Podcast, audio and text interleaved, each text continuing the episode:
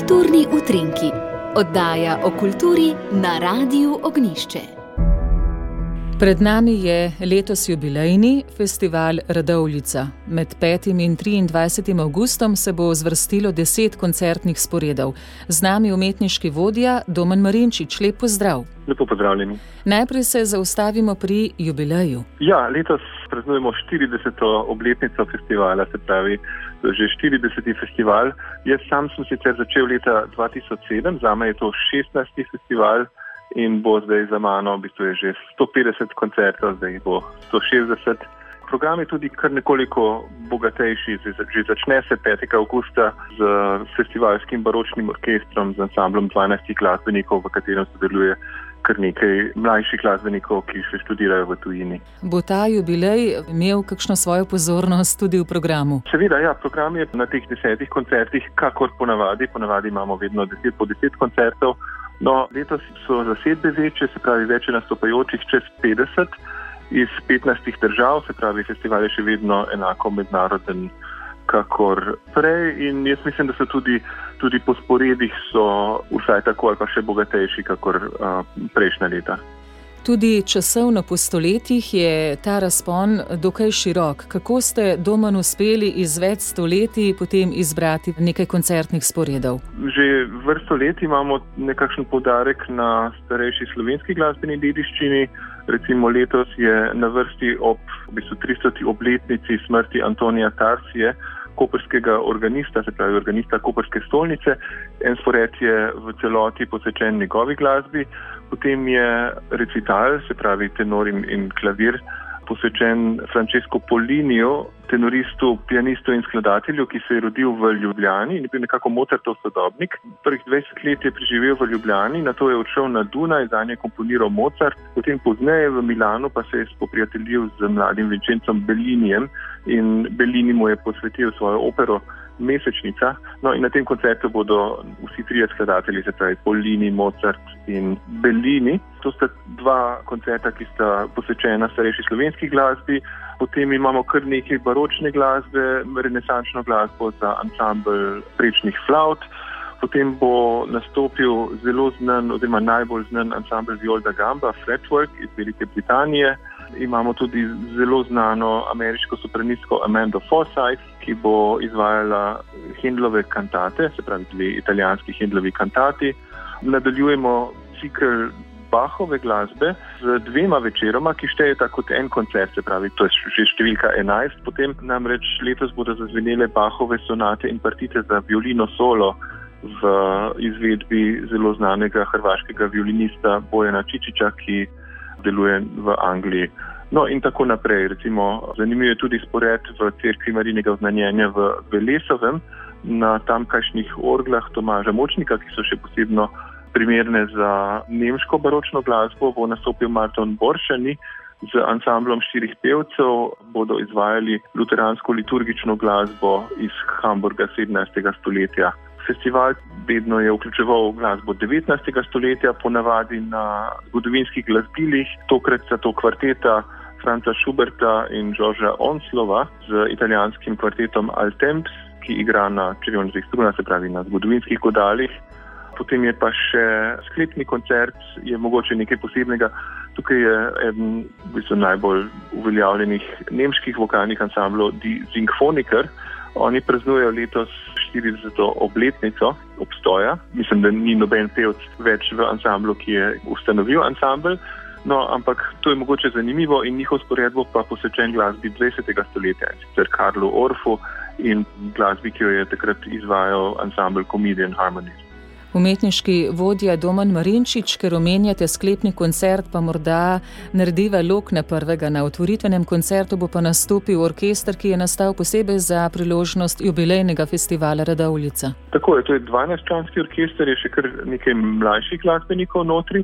Imamo pa tudi zelo znanega stista, kontrabasista Davida Sinclaira, ki bo igral z ansamblom, ampak bo tudi izvajal koncert za kontrabas italijanskega skladatelja. Giuseppe Antonija Capucija. Sicer pa je na sporedu angliška glasba, se pravi uverture, simfonije in koncerti iz Londona 18. stoletja. To so skladatelji kot so Thomas Arne, William Boyce, Maurice Green in pa Kettle Bond.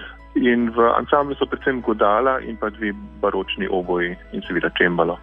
Veliko izzivov si zadate, omenjeno že posebej za to priložnost. Ustanovljen festivalski baročni orkester, tu prihaja do zanimivih sodelovanj, se verjetno potem še razvijajo ali dokaj pogosto le za festival nastanejo, pa potem se razidejo ali kakšna je tu praksa? Ja, to so seveda poskusi. Seveda sem posebno vesel, če kakšni programi, tudi ansambli, zasedbe ne nehajo z delom in na festivalu se pravi, je nastalo še kar nekaj sporedov ali pa ansamblov, ki so potem se predstavili kje druge, se pravi, nekako namen je vseeno spodbujanje bolj dolgoročno ja, ustvarjanja še posebno na področju stare glasbe in slovenske, se pravi, starejše slovenske glasbene dediščine. Tukaj gotovo naredimo premalo. In tudi jaz sem sam, sem recimo pred morda pred 15 leti, se nisem zavedal tega bogatstva, ki ga a, imamo v Sloveniji, se pravi v slovenskih arhivih. Potem je pa tudi seveda glasba, ki je tako ali drugače povezana s Slovenijo, pa je mogoče se ohranila kje drugje, ampak jo nekako kdo jo bo pa izvajal, če ne bomo mi.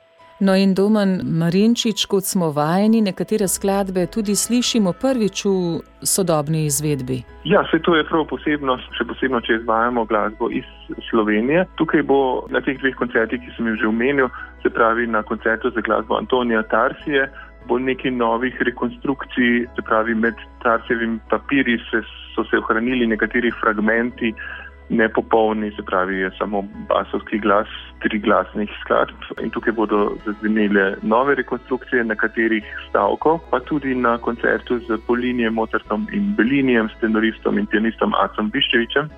Bodo nekatere polinijeve skladbe izvedene, mislim, da prvič v sodobnem času. Tukaj je ena kantata in pa nekaj samospevov. Da bi stara glasba zazvenela čim bolj avtentično, seveda strmite tudi k čim bolj ustreznim zgodovinskim glasbilom, doma nam lahko ponudite še tu kakšno zanimivost, kako se ta glasbila pridobivajo, kako se jih ohranja, morda vzdržuje.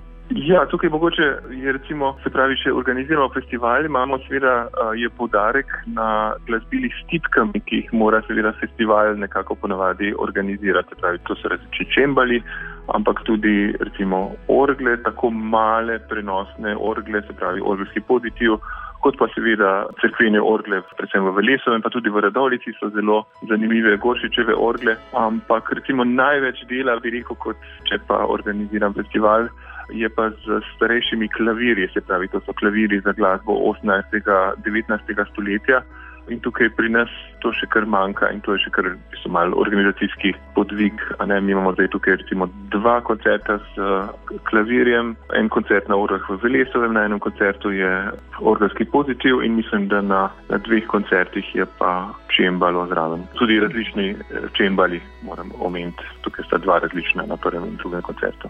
Za podrobnejši spored koncertov od 5. do 23. augusta letošnjega jubilejnega 40. festivala Radovlica poglejte na spletne strani Festival Radovlica. Domen Marinčič omenimo še to, kot običajno, tudi brezplačne avtobuse iz dveh večjih slovenskih mest. Ja, to je pomembno, seveda iz Ljubljane vozi avtobus v Radovlico in še bolj pomembno, potem po koncertu tudi nazaj. In ta avtobus se tudi ustavlja vmes. Pa na koncertu v Velesu in pa potem vozi tudi avtobus iz Radovlice, se pravi, gre za dva avtobusa, en iz Radovlice, en iz Ljubljane. Kontaktna številka na spletni strani, če slučajno kdo živi, kjer avtobus morda ne bi ustavil, pa pelje mimo. Vaša zaključna misel in vabilo. Zelo pomembno je, da je festival v Radovlici kjer imamo sjajne prostore, se pravi Bročno dvorano v Radovški graščini in pa crkvu svetega Petra. To so v bistvu idealni prostori za takšne zasedbe. Nekoliko drugače, kakor na mnogih festivalih v tujini, so te zasedbe res imajo nekako pravo velikost za te prostore in mislim, da je izkušnja je boljša kot kakor kje drugje, kjer si tega ne morejo privoščiti, ker morajo napolniti velike cerkve ali pa še večje dvorane. Umetniški vodja festivala Radovljica Domen Marinčič, hvala lepa za pogovor. Upam, da se bodo festivala v čim večjem številu udeležili tudi naši poslušalci. Hvala. Hvala.